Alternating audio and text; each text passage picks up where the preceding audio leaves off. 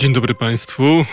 E, Roman Mańka, witam bardzo serdecznie wszystkich słuchaczy Halo Radia. Po długiej przerwie udało mi się dzisiaj bardzo dynamicznie wejść do radia, ponieważ e, istniało zagrożenie w związku z e, nieodwołaną wcześniej linią komunikacji, że się spóźni, ale na szczęście nie spóźniłem się, skorzystałem z usług taksi, a jak Państwo wiedzą, taryfiarze to jest prawdziwe źródło informacji, można się dużo dowiedzieć. Zwłaszcza to jest taki dobry barometr poglądów politycznych. Jeżeli ktoś chce poznać preferencje polityczne, to gwarantuję, że taksówkarze są dokładniejsi od najlepszych ośrodków badań opinii publicznej. No i oczywiście trudno na podstawie jednego taksówkarza budować jakąś teorię czy opinię, ale to jest coś w rodzaju, czym ja bardzo lubię się zajmować, czym w ogóle w ramach Fundacji Fibre się zajmuję. A więc to jest e, takie fenomenologiczne podejście, które nazywa się i którego twórcą zresztą był znakomity polski socjolog, e, przedstawiciel szkoły funkcjonalno-strukturalnej Bronisław Malinowski, a jest to obserwacja uczestnicząca. On wchodził w różne mm, grupy e, społeczne na tak zwanym mm, prymitywnym e, poziomie rozwoju, znajdujące się na tak zwanym prymitywnym poziomie rozwoju, chociaż pewnie Lewi Strauss, inny z kolei antropolog i socjolog by z tym polemizował, a to temat na, na, na e, dużo głębszą dyskusję. Natomiast to, co reprezentował Malinowski, to jest właśnie obserwacja uczestnicząca, a więc obserwowanie zachowań ludzkich, e, faktów społecznych, rozmaitych mechanizmów, zjawisk e, z pozycji obserwatora, który wchodzi w grupę społeczną i obserwuje z ukrycia, nie zdradza się, że jest obserwatorem. Tym się to właśnie różni od badań opinii publicznej, że ankieter uprzedza e, badającego o tym, że jest ankieterem, mówi: Ja prowadzę badania w takim albo w innym przedmiocie, i często występuje tak zwany efekt ankietera, a więc odpowiadający respondenci definiują pochodzenie kulturowe ankietera, jego ewentualne poglądy i yy, przystosowują swoją odpowiedź do jego oczekiwań. Natomiast tym, tym błędem nie jest zagrożona obserwacja uczestnicząca, gdyż obserwator nie ujawnia się jako obserwator, a więc ma do czynienia z naturalnymi, e, obiektywnymi, e, spontanicznymi postawami i to daje dużo lepsze y, wyniki. Wielu było przedstawicieli tej szkoły, ale mówię, tu nie czas y, i miejsce o tym mówić. Na pewno wejście z pozycji anonimowych w różne grupy społeczne w Polsce, nie tylko taksówkarzy, ale również wiele innych środowisk, przyniosłoby cenne wyniki i przynosi, ja muszę Państwu powiedzieć, że one bardzo różnią się od tego, co często widzimy w badaniach różnych socjologicznych czy, czy w pomiarach preferencji politycznych. No, na przykład y, jednemu z y, socjologów w takim badaniu jak diagnoza mm, społeczna y, zawsze wychodziło, że 80% społeczeństwa jest zadowolonych z tego, co się w Polsce dzieje. E, a później, kiedy patrzyło się na wyniki wyborcze, no to one tego stanu nie potwierdzały, one właściwie dezawuowały wartość tego rodzaju mm, badania. Ale to tak tyle można powiedzieć na luzie tytułem rozgrzewki. E, chociaż myślę, że wspomniałem o tym e, też nie bez kozery, bo dzisiaj o nastrojach e, społecznych, społeczno-politycznych i o ewentualnych nastrojach będziemy mówili. E, mamy gorący okres w polityce i przeanalizujemy obecną sytuację polityczną i szczególnie to, co wydarzyło się w Sejmie, to, co jest przedmiotem rozlicznych kontrowersji krytyki, dyskusji, debat, a więc głosowanie lewicy razem z Prawem i Sprawiedliwością w kwestii ratyfikacji funduszu odbudowy, czyli jak to się to nazywa dokładnie, mm, wyrażenia zgody na poszerzenie zasobów własnych. Ale zanim przejdę do tematu, trochę się usprawiedliwię. Nie było mnie w Halo Radio dość długo. Niektórzy pisali do mnie, za co dziękuję, pytając, co się dzieje. Inni e, prowadzili dywagację, czy już e, odeszłem, czy już odszedłem. E, proszę Państwa, ja byłem chory i było to też w ferworze pandemii bardzo niebezpiecznej, gdzie wskaźniki zachorowań dochodziły do ponad 30 tysięcy. Ja w przeszłości przeszedłem kilka niebezpiecznych chorób, a więc jakby gdyby podwójnie czy nawet potrójnie byłem obciążony.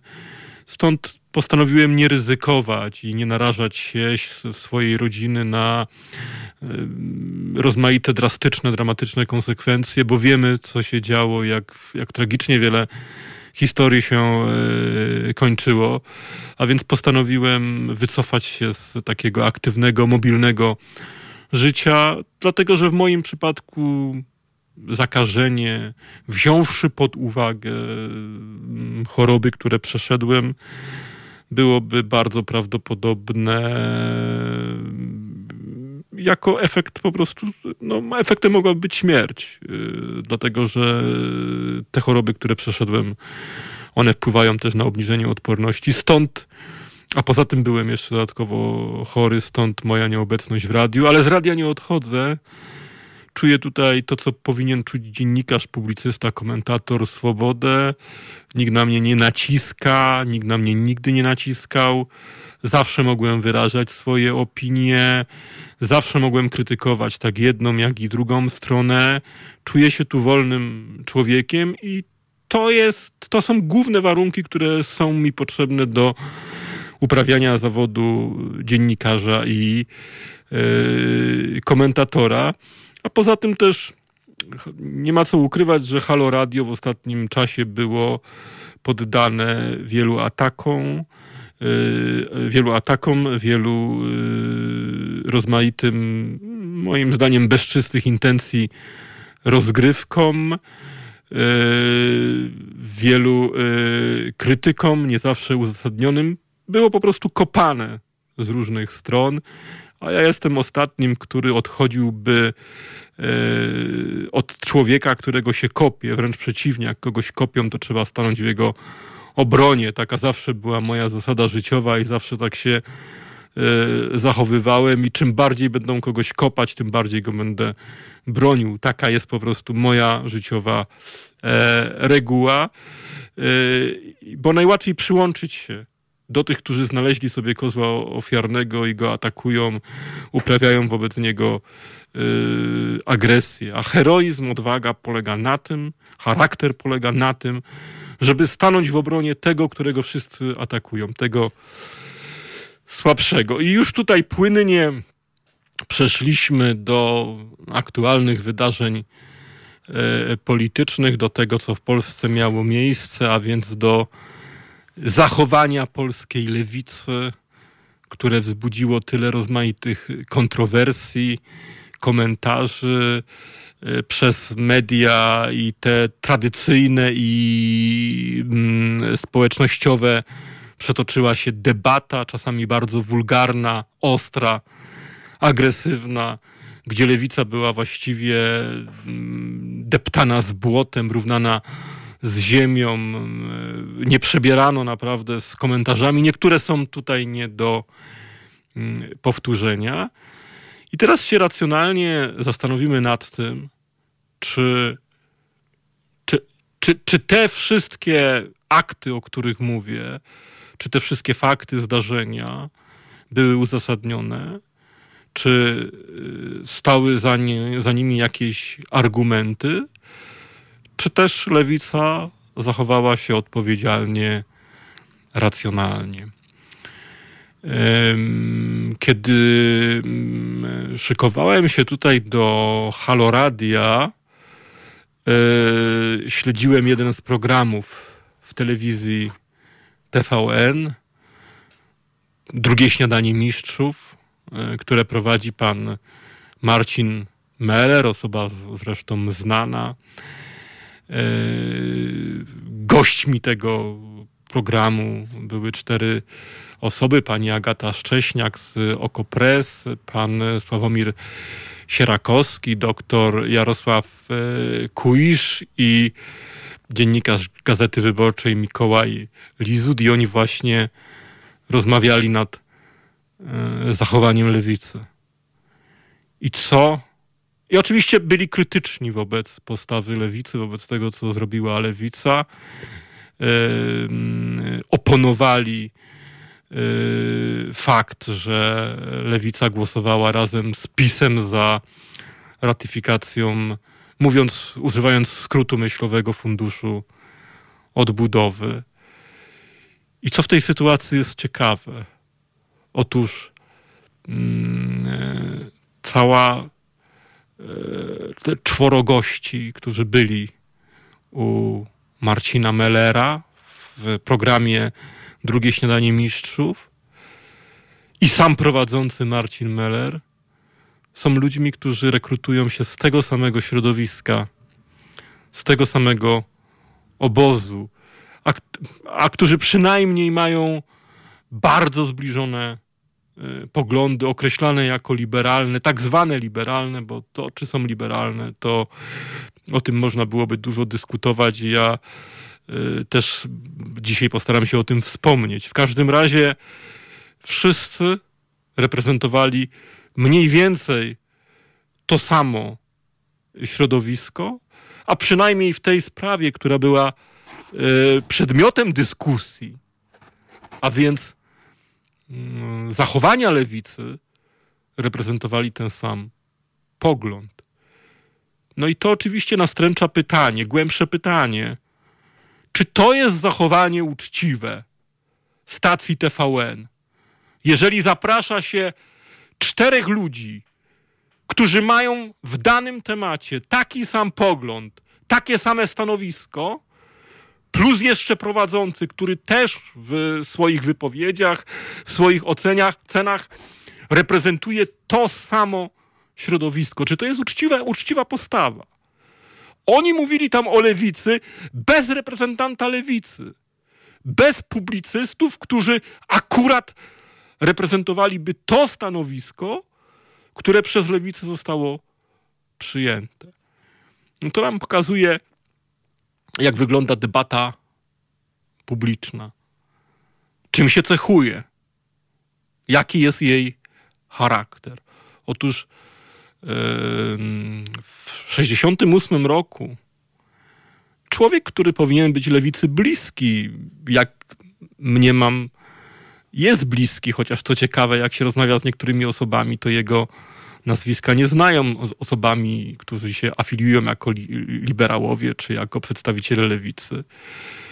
Herbert Marcuse w 68 roku sformułował e, pojęcie jednowymiarowego człowieka.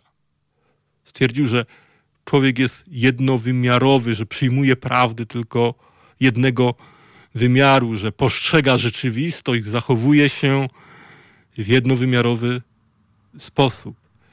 A powinien być wielowymiarowy. To, co, co wzbogaca człowieka, to, co jest jego y, wartością, silną cechą to jest wielowymiarowość, wieloaspektowość.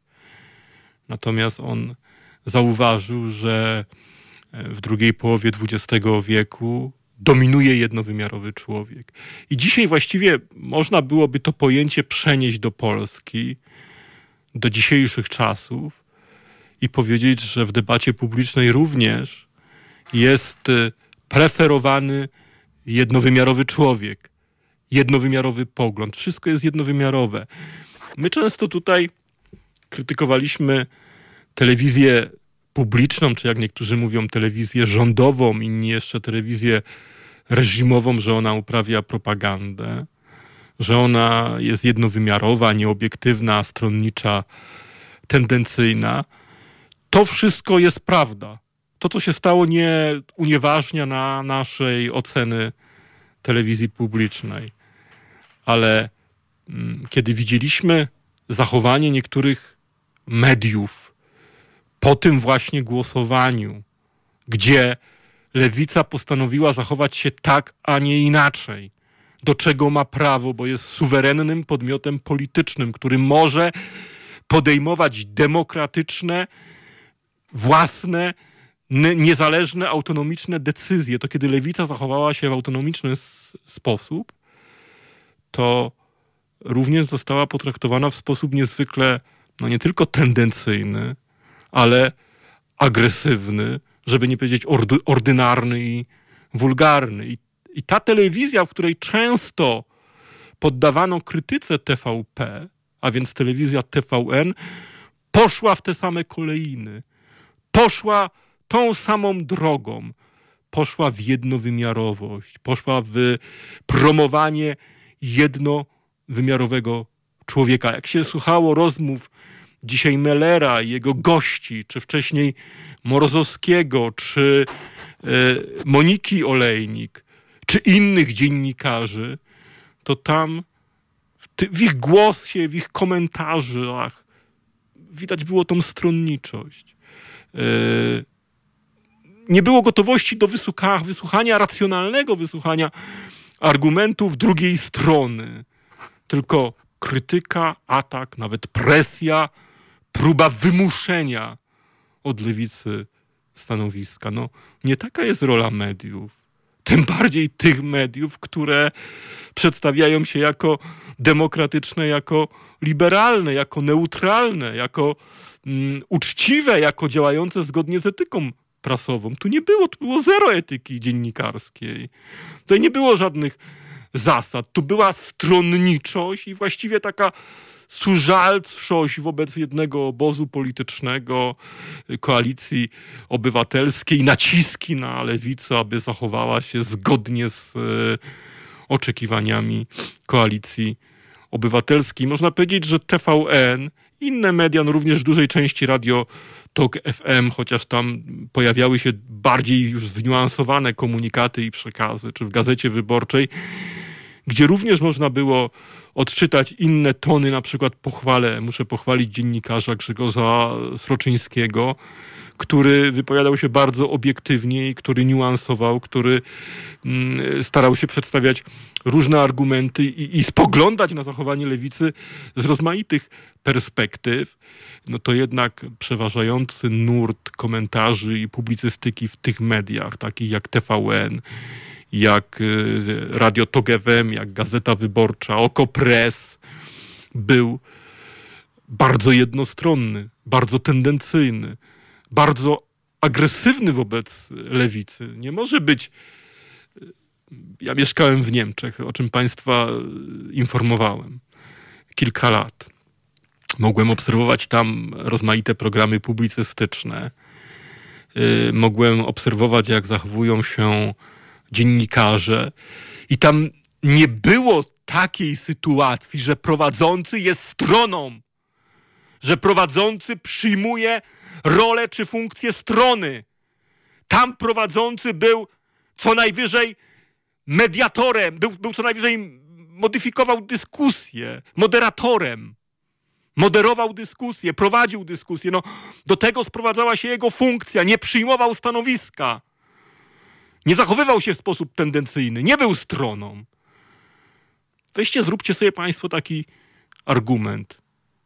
Jeżeli możecie, odtwórzcie sobie gdzieś te audycje Morozowskiego, te audycje dzisiaj Mellera w, w drugim śniadaniu mistrzów audycję Moniki Olejnik. Odtwórzcie sobie te audycje, posłuchajcie ich i zadajcie sobie pytanie, czy to jest uczciwe dziennikarstwo? Czy to jest prawdziwe dziennikarstwo? Czy rolą dziennikarza jest narzucanie stanowiska politycznego politykom? Czy rolą dziennikarza jest przerywanie, kiedy polityk nie mówi po ich myśli? Czy rolą dziennikarza jest uzyskiwanie odpowiedzi poprzez pytanie? Czy rolą dziennikarza jest wymuszanie odpowiedzi? Czy rolą dziennikarza jest wreszcie zachowywanie się niczym polityk? No bo Morozowski, Olejnik Meller, oni zachowują się niczym politycy, nie jak dziennikarze, tylko jak politycy. A mówią, że są dziennikarzami. A z drugiej strony zarzucają często słusznie telewizji TVP publicznej, telewizji czy reżimowej stronniczość, tendencyjność, a sami są tendencyjni do szpiku kości. Sami uprawiają propagandę, sami próbują popierać jedynie słuszną opcję. Jak przy okazji powiem, kiedy mówi się na przykład o oskarżeniach formułowanych przeciwko mm, polityk Sławomirowi Nowakowi, politykowi Platformy, to przy każdej okazji TVN podkreśla zasadę domniemania e, niewinności. Tylko, że gdy chodzi o innych polityków z drugiej strony, to już TVN nie przypomina o zasadzie domniemania e, niewinności. I to pokazuje, jak bardzo wybiórczo pewne zasady się stosuje, jak bardzo wybiórczo się o nich wspomina, jak informacje mogą być e, skonstruowane pod z góry założoną e, tezę. Domniemanie niewinności to jest bardzo skomplikowana sprawa. Bo to domniemanie niewinności to ono jest często rozumie w Polsce, jak, jak wygodne jest różnym dziennikarzom czy, czy komentatorom, to y, mówią o domniemaniu niewinności, y, y, gdyby przyjąć ich rozumienie nie, domniemania niewinności, kiedy oni stosują je wobec zaprzyjaźnionych z sobą polityków, czy polityków, których lubią, to gdyby przyjąć to oferowane przez nich domniemanie niewinności, to morderca prezydenta Adamowicza musiałby dzisiaj siedzieć na wolności no bo też obowiązuje go domniemanie niewinności, prawda? Albo y, bandyta, który y, zastrzelił ostatnio policjanta, w myśl tej definicji domniemania niewinności musiałby siedzieć na wolności. Teoretycznie oczywiście domniemanie niewinności przysługuje każdemu, jest zasadą y, absolutną, ale w praktyce ma swoje pewne ograniczenia i ograniczeniem jest właśnie ocena sytuacji, zagrożenie karne, zagrożenie ucieczką, e, skala przestępstwa i stosuje się coś takiego jak środek za e, pobiegawczy. A poza tym ja zawsze podkreślam taką rzecz, ona jest fundamentalna dla demokracji i dla życia publicznego. Otóż Inaczej domniemanie niewinności wygląda na sali sądowej i tu ono oczywiście przysługuje każdemu, również politykowi.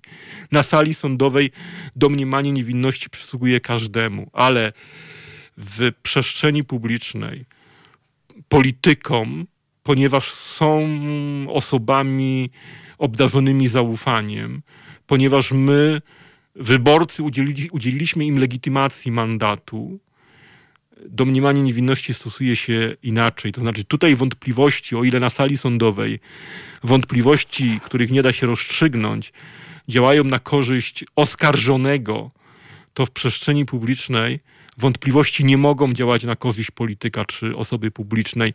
Muszą działać na niekorzyść i tu raczej bardziej wiem, że to będzie trochę kontrowersyjne, co powiem, bo to wymaga szczególnego kontekstu i rozumienia, ale w przestrzeni publicznej bardziej pożądane byłoby zastosowanie domniemania winy. O co mi chodzi? To znaczy, przestępca na sali sądowej czy oskarżony może przyjąć taktykę bierną i może przyjąć strategię nic nie mówienia, nie odpowiadania na pytanie, strategię milczenia. Ma do tego prawo.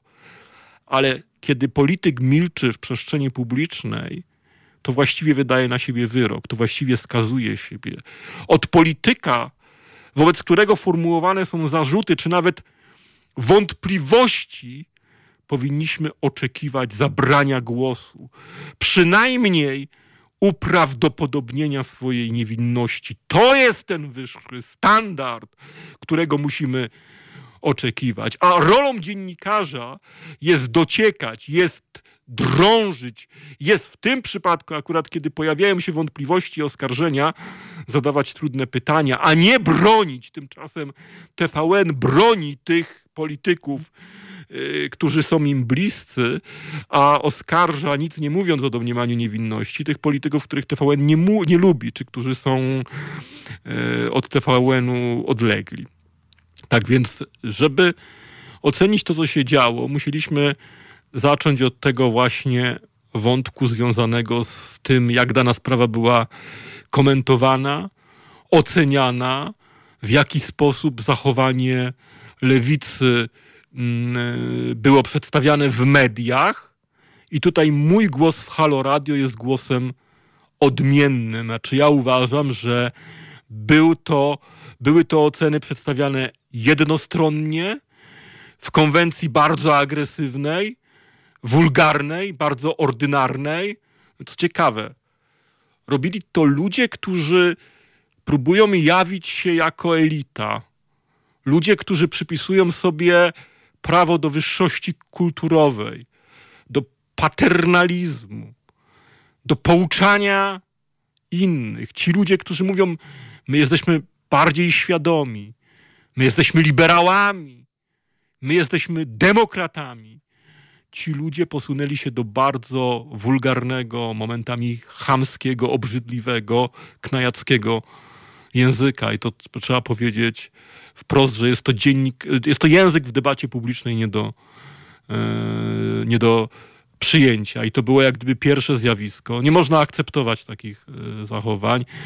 I nawet najbardziej słusznej sprawy nie można bronić w tego rodzaju sposób, bo to jest pójście w kierunku utylitaryzmu, e, agresji, takiego języka zwulgarysowanego, co zawsze prowadzi do, do nieszczęść. A po drugie, no to to, o czym już wspomniałem, że zachowanie lewicy zostało przez media przedstawione w sposób bardzo nieuczciwy, bardzo nieobiektywny, bardzo tendencyjny, bardzo stronniczy i to również przez te media, które się mienią jako demokratyczne, liberalne, które przypisują sobie rolę do stawania w obronie praw człowieka i zasad y, demokracji. A teraz drugi wątek, czy lewica postęp, postąpiła yy, słusznie? Czy lewica zachowała się racjonalnie, odpowiedzialnie? Z tego, co Państwo wiecie, yy, jednym z animatorów yy, postawy lewicy, czy tego porozumienia, które zostało gdzieś tam wynegocjowane z prawem i sprawiedliwością, był były prezydent Aleksander Kwaśniewski.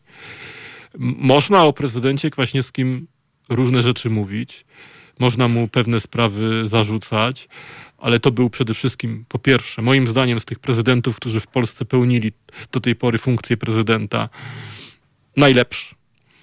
E, żeby była jasność, moje poglądy nie są, nie są zbieżne z poglądami Kwaśniewskiego, ale nie przeszkadza mi to, żeby powiedzieć, że to był człowiek, który e, świetnie zachowywał się jako dyplomata, który dobrze, poza pewnymi wyjątkami, e, reprezentował Polskę na forum międzynarodowym, który był bardzo komunikatywny, dobrze komunikował się z wyborcami, ale również dobrze komunikował się z partnerami politycznymi, mówiąc w różnych językach i artykułując swoje stanowisko. Znajomość języków, yy, taka postawa poligloty, yy, ekstrawersja pozwoliła mu nawiązać wiele dobrych relacji, również tych towarzyskich, politycznych, które są ważne.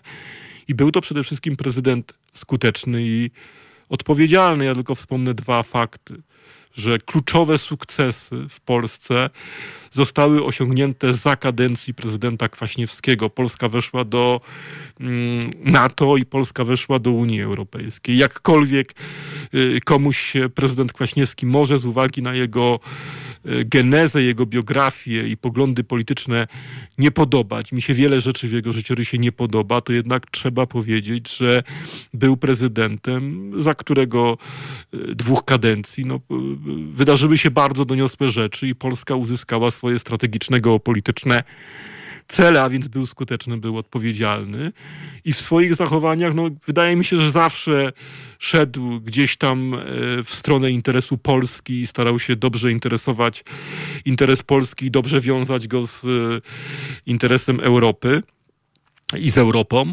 I w tym przypadku również uważam, że Kwaśniewski dobrze tą sytuację przeczytał.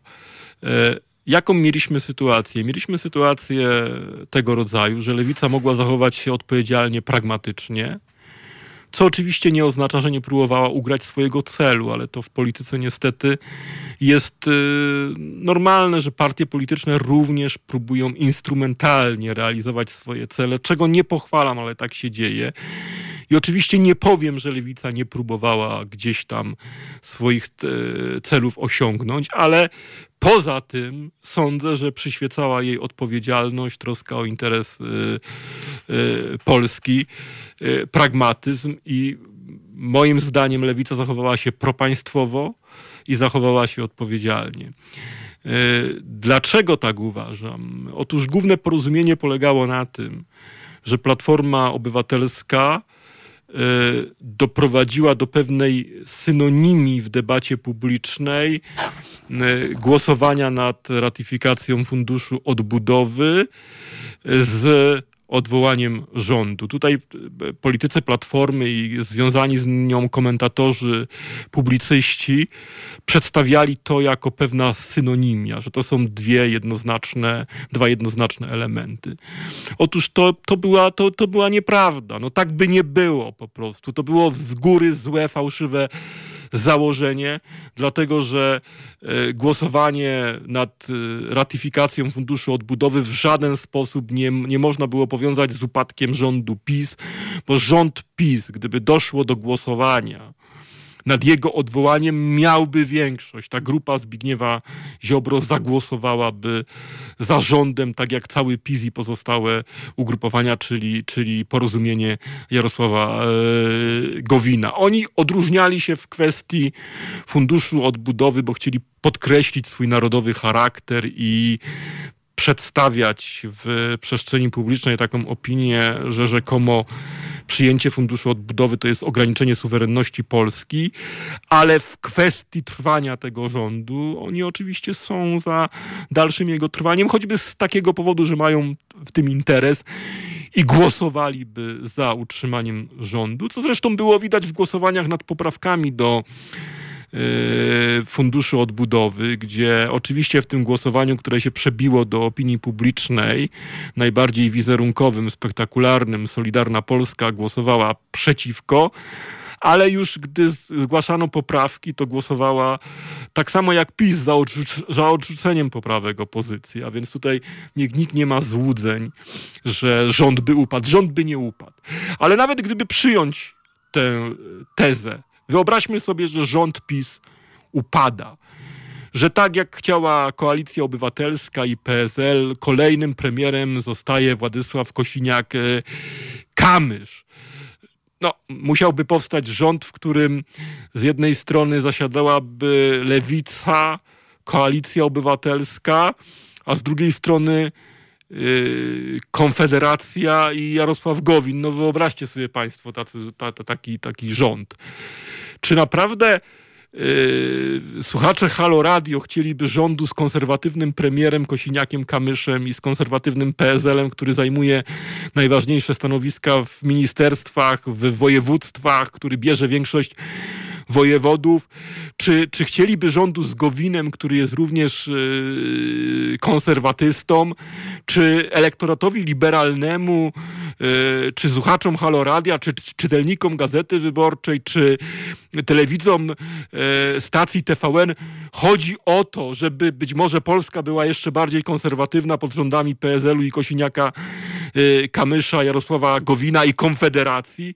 A poza tym, no wyobraźcie sobie Państwo rząd, w którym zasiada razem Lewica, Platforma Obywatelska i Konfederacja. Przecież to jest tablica Mendelejewa, to jest coś po prostu, co w żaden sposób nie, nie pasuje. A więc raz, że taki rząd byłby bardzo niespójny, niekoherentny i, i, i trudno byłoby tutaj jakiekolwiek minimum programowe uzgodnić, a po drugie, y, no to w towarzyszyła temu, temu tej, tej opinii, temu postulatowi, że można skonstruować nowy rząd i to powtarzał Bartłomiej Sienkiewicz i wielu innych polityków, pisała o tym pani Magdalena Adamowicz na Facebooku, towarzyszył temu taki pogląd, że no przecież fundusz odbudowy można będzie przegłosować później, jak się przejmie w Polsce władzę.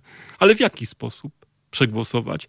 Gdzie byłaby ta większość? Przecież wówczas PiS i Konfederacja głosowałyby przeciw Funduszowi Odbudowy. Przecież za nic w świecie Konfederacja nie zagłosowałaby za funduszem odbudowy. PiS również mógłby wtedy powiedzieć złośliwie, no skoro wy żeście nie głosowali, kiedy my żeśmy rządzili za, za funduszem odbudowy, no to również my nie poprzemy y, tego, tej ratyfikacji w momencie, kiedy wy sprawujecie władzę. Dlaczego Platforma ma rozdawać pieniądze razem z PSL-em, skoro nam nie dano takiej możliwości? To wszystko doprowadziłoby do takiego zapętlenia, y, zamieszania, że fundusz odbudowy mógłby w ogóle upaść, mógłby go prezydent nie ratyfikować, nawet gdyby go w Sejmie przegłosowano. No ale w Sejmie by nie przegłosowano, bo bo nie zgodziłaby się na to Konfederacja i PiS nie byłoby większości.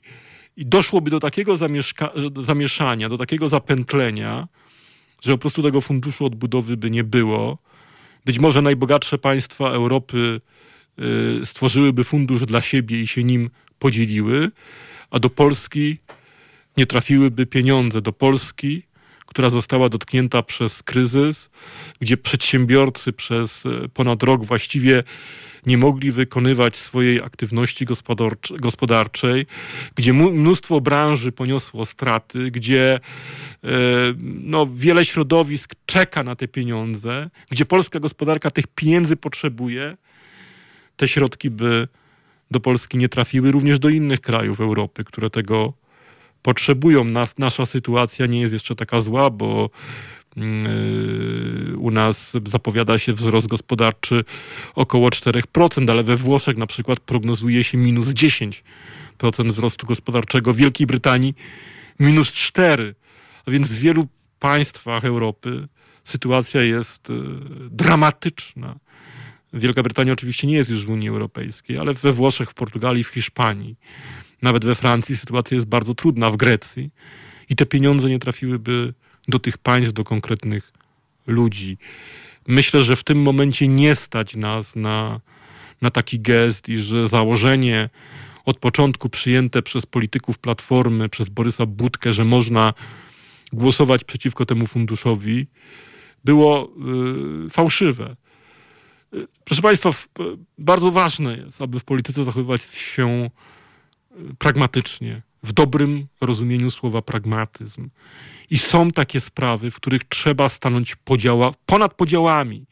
Są takie sprawy, kiedy trzeba odrzucić emocje, nienawiść, ambicje, aspiracje, wyjść poza polaryzację i zachować się zgodnie z interesem Polski, z interesem Unii Europejskiej, zgodnie z interesem Y, społeczeństwa. Są sprawy, które tego wymagają. Kiedyś były takie sprawy, jak wejście Polski do NATO, wejście Polski do Unii Europejskiej. Były to priorytety niekontrowersyjne. Wszystkie siły polityczne, najpoważniejsze, najważniejsze je popierały. Niestety w sprawie funduszu europejskiego tak nie było.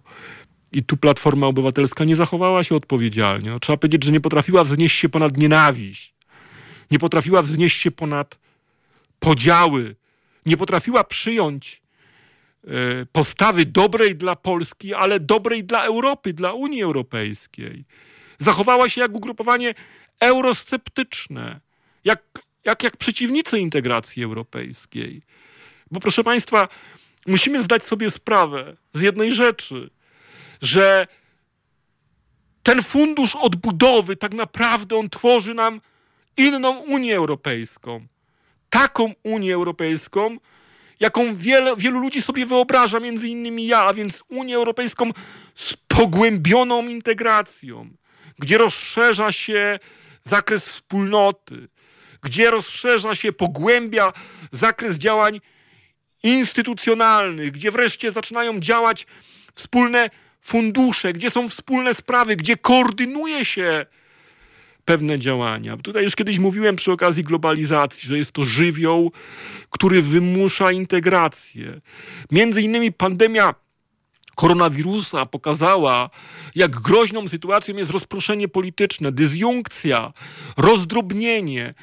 My, nie musi, my musimy się integrować, nie mamy innego wyjścia. To nie jest czyjaś fanaberia, to wynika z procesów, które dzieją się w świecie. Globalizacja, która jednoczy świat i która powoduje, że wszystkie żywioły, procesy, ale również kryzysy, krachy, pandemie zyskują globalny charakter, wymusza integrację. I właśnie Unia Europejska dzięki temu funduszowi odbudowy się pogłębia, idzie e, w kierunku państwa bardziej spójnego, koordynującego swojego, swoje działania, bardziej zintegrowanego. Ja to bym jeszcze dalej posunął. Ja bym tworzył wspólną armię e, Unii Europejskiej.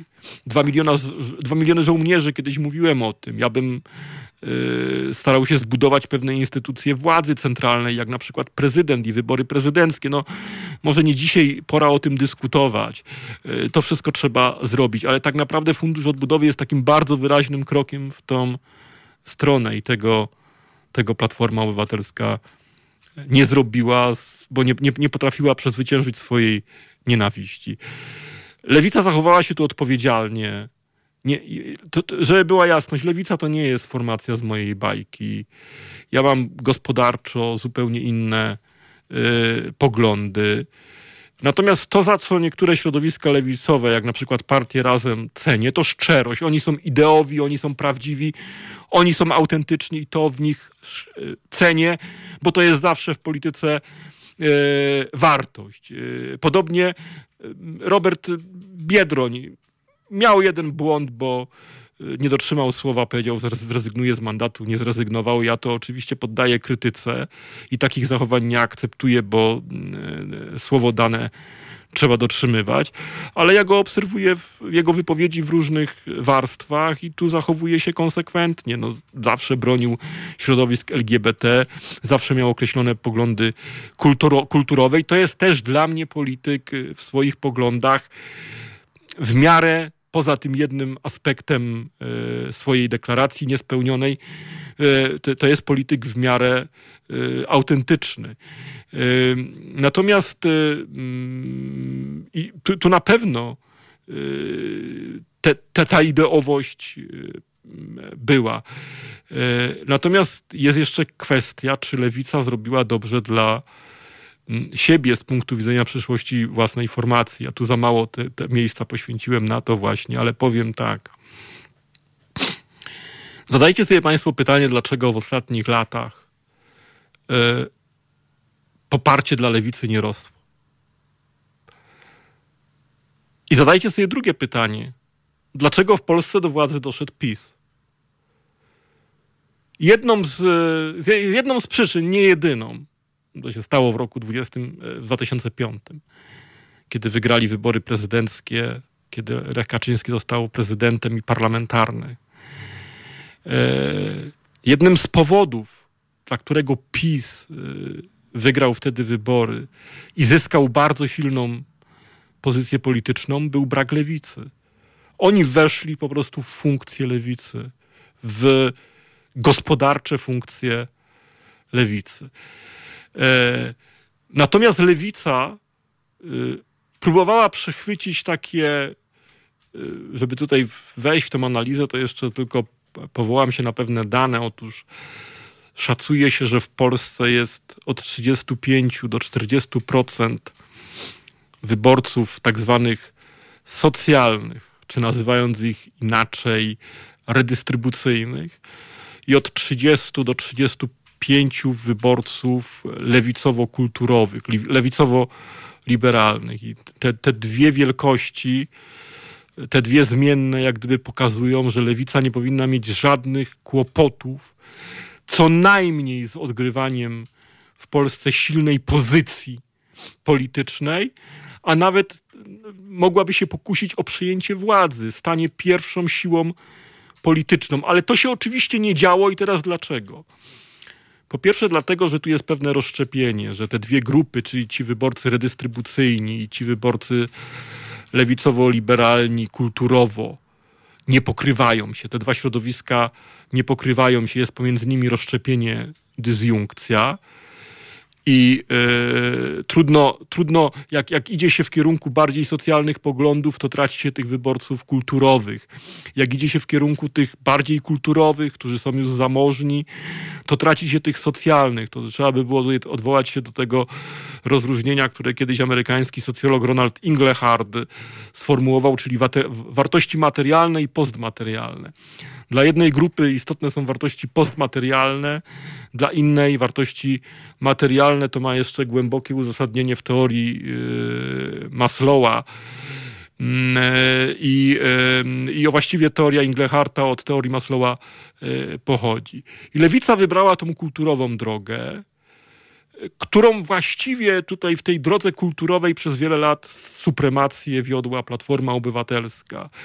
I lewica pozostając pod skrzydłami Platformy Obywatelskiej, nie mogła rozwinąć swoich skrzydeł. To był główny powód y, sytuacji, w której lewica nie zyskiwała, nie była w stanie odwołać się do elektoratu, naturalnego elektoratu lewicy. Teraz oczywiście jest pytanie, który elektorat jest dla lewicy bardziej naturalny, bardziej wartościowy. Obydwa, moim zdaniem, zagadnienia, obydwie strefy są ważne. Ja nie lekceważę żadnej. Natomiast jednak prawdziwa lewica powinna szukać swojej tożsamości w poglądach redystrybucyjnych, w poglądach socjalnych. Ja przypomnę, co mówił Marx, którego lewica się wstydzi. Niesłusznie, bo nie, wolnie można od, od, odżegnywać się od swoich patronów i tak samo jak neoliberałowie nawiązują do Miltona Friedmana, czy Van Hayka i mają do tego prawo, tak samo lewica powinna nawiązywać do swoich patronów, do Marksa i innych, e, również tych postmarksistów, takich jak Althusser, takich jak Gramsci czy e, inni. I e, błędem lewicy było to, że całkowicie zapoznała, całkowicie porzuciła ten redystrybucyjny nurt, tą strefę socjalną, opuściła tych wyborców i dlatego przegrywała wybory, a w elektoracie kulturowym nie była w stanie wyjść na faworyta. Tam nie stała się partią pierwszego wyboru.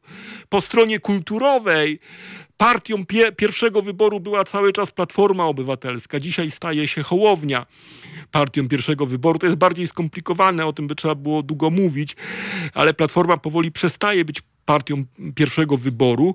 Natomiast Lewica nigdy tu nie była partią pierwszego wyboru, a idąc w tą kulturową, światopoglądową stronę, straciła elektorat, typowy elektorat lewicy, straciła Polskę powiatową, straciła mieszkańców mniejszych e, miast, straciła pracowników najemnych, straciła nauczycieli, straciła wiele grup społecznych, straciła całe zasoby poparcia. I teraz, kiedy lewica szuka innej tożsamości, kiedy próbuje się odróżnić i znów jak gdyby zwrócić w tą stronę redystrybucyjną, to podejmuje te działania, które z punktu widzenia lewicy moim zdaniem są strategicznie słuszne i ja przewiduję w jakiejś oczywiście perspektywie czasu wzrosty poparcia dla e, lewicy. To może się nie stanie od razu, bo w tej chwili jest agresywna nagonka na lewicę, między innymi ze strony stacji TVN, ale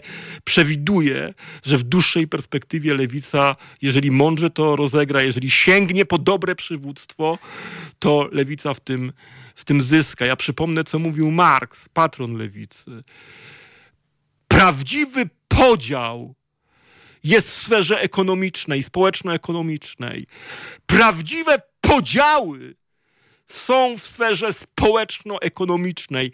Resztę e, Marx uważał jako ideologię, jako nadbudowa, ideologia jest fa fałszywa. Ja tak daleko nie sięgam. Ja uważam, że prawa człowieka, wartości postmaterialne są również ważne i również trzeba ich bronić, trzeba stworzyć taką mądrą, spójną syntezę programową, ale na pewno nie można porzucić, nie można zlekceważyć tych właśnie redystrybucyjnych postaw, tych socjalnych poglądów. I lewica tutaj dokonała zwrotu i moim zdaniem w tym momencie wybrała dobrą drogę. Do tej pory lewica nie rosła, bo przeszkodą była Platforma Obywatelska i gdyby dzisiaj lewica poszła na twarde negocjacje Funduszu Odbudowy, gdyby próbowała sabotować ratyfikację Funduszu Odbudowy. I gdyby w końcu PiS ustąpił, gdybyśmy nawet przyjęli taką tezę, że PiS ustępuje, chociaż Kaczyński nie jest skory do ustępstw, ale gdyby PiS ustąpił,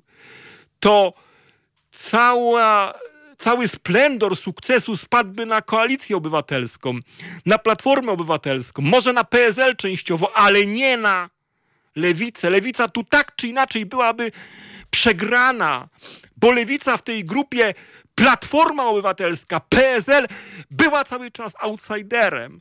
Była lekceważona i ona tu nic by nie zdobyła, nic by nie yy, ugrała. To, co może lewica zrobić, to równy dystans. Yy, równy dystans wobec PiSu, równy dystans wobec Platformy i zachowywać się jak autonomiczna, E, siła polityczna, jak gracz, jak gracz z prawdziwego zdarzenia, prezentujący własne stanowisko i nie ulegający dyktatowi TVN-u i innych mediów. Na, mediów. Na koniec, bo już muszę kończyć, tu mi realizator pokazuje, e, co przewiduje. Obserwujemy pewien proces, proszę Państwa. Ja myślę, że w następnych audycjach będę dużo mówił o analizach i kontynuował te analizy, ale mogę powiedzieć, że moja prognoza jest taka. E, mamy już wiele badań, które potwierdzają fakt, że Platforma Obywatelska, Koalicja Obywatelska nie jest drugą siłą e, polską e, w polskiej polityce. Ja przypomnę, że w swoich wpisach na Facebooku przewidywałem to pod koniec roku. Pisałem, że to, czego się spodziewam, to nie rozpad Zjednoczonej Prawicy, ale rozpad Koalicji Obywatelskiej i Platformy Obywatelskiej, który przewartościuje polską scenę polityczną. To się właśnie dzieje. Mamy do czynienia z awuesizacją opozycji często stosuje się pogląd awuesizacja wobec PiSu, ale bardziej adekwatne byłoby zastosowanie terminu awuesizacja wobec opozycji. A więc Koalicja Obywatelska przestaje być drugą siłą polityczną. Wiele badań już to potwierdza. To już nie tylko intuicja. Zbyt dużo to jest już kilkanaście badań. Tam niektórzy publicyści mówią, że tak samo było, kiedy Nowoczesna wyprzedziła w roku 2015 Platformę, kiedy Wiosna wyprzedziła ale tam to były jednorazowe przypadki, a tutaj mamy do czynienia z serią badań i analiz, w, której, w których ruch 2050, czyli Hołownia wyprzedza Platformę Obywatelską. To moim zdaniem, jeżeli Platforma będzie dalej spadała w sondażach, doprowadzi do rozpadu w Platformie Obywatelskiej i wtórnie na tym może zyskać lewica, dlatego że część elektoratu nie przejdzie do Hołowni, część elektoratu, część wyborców, polityków Platformy jest zbyt e, lewicowa czy centrolewicowa, żeby przejść do Hołowni i te środowiska będą raczej e, zmierzały w kierunku lewicy, czy będą próbowały coś budować na lewicy. Struktura, ja jestem strukturalistą, struktura w polityce jest bardzo ważna. Relacje między ugrupowaniami, pomiędzy elementami i struktura często determinuje fakty i wydarzenia. I w związku z tym wyprzedzenie e, Hołowni, e, wyprzedzenie przez Polskę 2050 Platformy Obywatelskiej może spowodować proces, w którym również lewica stanie się beneficjentem tej sytuacji. Czekają, czekają nas w każdym razie bardzo ciekawe zmiany na scenie politycznej, które warto obserwować, ale uważam, że lewica zrobiła dobry ruch, że może ryzykowny, może nie szablonowy, ale na pewno ruch dobry i, i to jest ta droga, którą lewica powinna iść. Dziękuję panie. Oczywiście nie zmieniam swojej opinii o PiSie. Nigdy nie miałem wątpliwości, że jest to siła destruktywna i która wprowadza tutaj rządy autorytarne i psuje, psuje instytucje. Co do tego niech nikt nie ma wątpliwości. Mój pogląd się tu nie zmienił. Bardzo Państwu dziękuję i zapraszam co tydzień na yy, i również w tygodniu na kolejne audycję. Życzę wszystkiego dobrego. Do widzenia i do, do usłyszenia ponownie.